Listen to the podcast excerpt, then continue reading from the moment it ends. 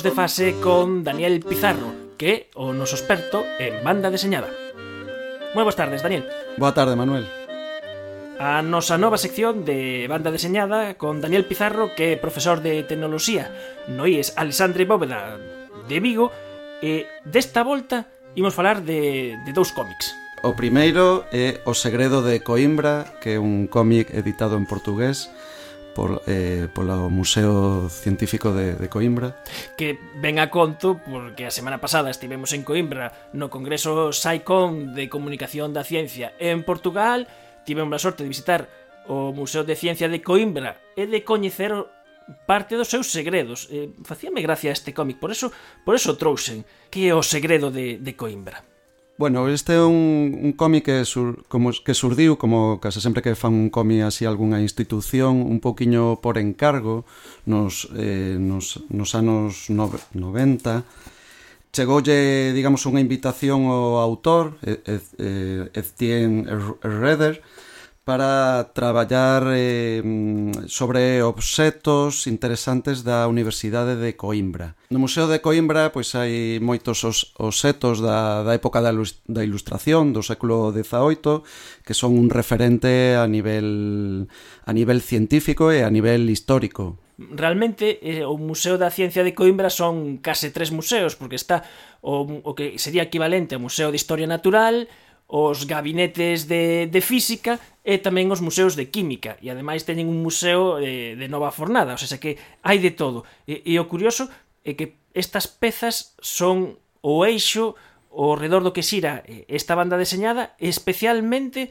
eh, sobre unha cousa moi curiosa que son os anamorfismos. Sí, Os anamorfismos estiveron moi de moda no século XVIII, precisamente recollían a idea da ilustración de que as cousas non son o que parecen, senón que ás veces temos que ver as cousas con, eh, con outros ollos, os ollos que nos dá a ciencia e a cultura. Os obxetos anamórficos os máis coñecidos son os das pinturas, cando cambiamos a perspectiva eh, recollen outra forma, pero tamén hai obxetos eh, que poden verse a través de, por exemplo, de espellos eh, cóncavos, espellos convexos, espellos eh, semiesféricos. En este cómic pois se recolle se recolle esa idea, esa idea que era moi de moda no, no século XVIII, xogar coa, coa perspectiva da, das cousas. E ademais eh, este cómic eh, precisamente trae consigo unha lámina prateada para xogar a facer ver parte das, das dos debuxos da banda deseñada e para probar este efecto e ver como unha imaxe aparentemente deformada ou poñer este cilindro na forma correcta e ollando desde o sitio correcto recomponse a imaxe. Efectivamente, porque na trama da historia aparece un, un suposto príncipe portugués do século XVIII, non vamos desvelar o que sucede, pero sí que ten unha relación directa co anamorfismo. Entón, nos debusos do, do cómic, tipo de xogar coa, con esta banda plateada e, e precisamente cambiar a perspectiva de, de algúns debusos que teñen pois unha, un anamorfismo de, cilíndrico neste caso. O Segredo de Coimbra, editado pola Universidade de, de Coimbra. O primeiro cómic do que falamos esta tarde, eh, o que ha de ocupar máis peso nesta sección é o neurocómic. Se empezábamos esta sección eh, falando do cosmocómic, pasamos ao neurocómic. O título é moi semellante, pero semellanzas non hai tantas. Bueno, en realidade as semellanzas son que tamén é un cómic eh, coral, no que aparecen a, algúns dos principais científicos que teñen aportado algo na historia da, da neurociencia, eh, empezando, por suposto, por Ram, Ramón e. Cajal, Eh, e, eh, achegándose progresivamente aos descubrimentos mm, que no século XX temos visto sobre as neuronas. É decir, sí que é un cómic que ten un certo paralelismo co, co anterior de Cosmic Comic, eh, a, a, todos sabemos que a, a neurociencia é das ciencias máis interesantes e máis vivas neste momento porque aínda temos moitas cousas que descubrir sobre o noso cerebro e sobre as nosas neuronas.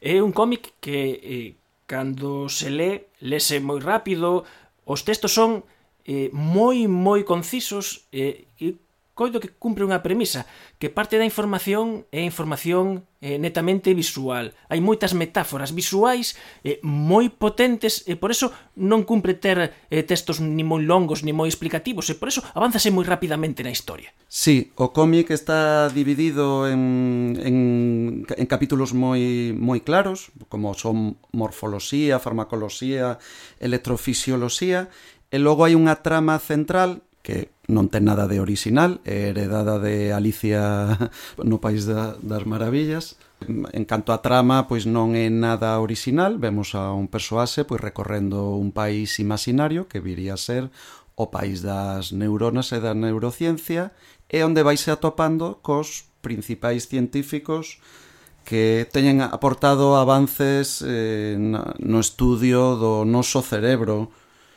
como poden ser pois Ramón e Cajal, e Golgi, Serrington, o Bernard e Katz. Ata Pavlov co seu can. Efectivamente, esa é o, o can. Entón, eh, a trama aquí un poquiño de menos. O importante é a didáctica, porque efectivamente os debusos eh, acompañan moi ben a explicación eh, concisa sobre eh, bueno, pois avances que a mellor non son tan sinxelos de, de explicar. Este, a máis, eh, convén destacar que neste cómic os, os dous autores son do, dous doctores, un eh, Mateo Farinella e unha doctora, Hanna, Hanna Ross, e fan un realmente un traballo sobresaliente en canto a poñer en imaxes eh, teorías neurocientíficas que, que teñen unha certa complexidade. E eu outra impresión, non sei que che parece a ti, como especialista en banda deseñada, é que inicialmente eh, o debuxo é a unha soa tinta é, en branco e negro. Inicialmente mm, parecíame o debuxo pois hasta un tanto hasta mesmo infantil simple pero en absoluto é, é xusto o contrario. É un debuxo moi planificado moi pensado e a min o que me pasou é que a medida que iba fondando na historia o debuxo me gustaba máis. Sí, porque a medida que vas lendo ves que acompaña perfectamente os conceptos que quere ilustrar. Non é un debuxo profesional o 100%, pero neste caso é unha maravilla. É unha maravilla porque ilustra perfectamente conceptos científicos eh, moi moi complexos. Eh? Faino dende unha trama moi sinxela, eh, aquí o, o propio precisamente apostar por debuxos sinxelos cun punto naif.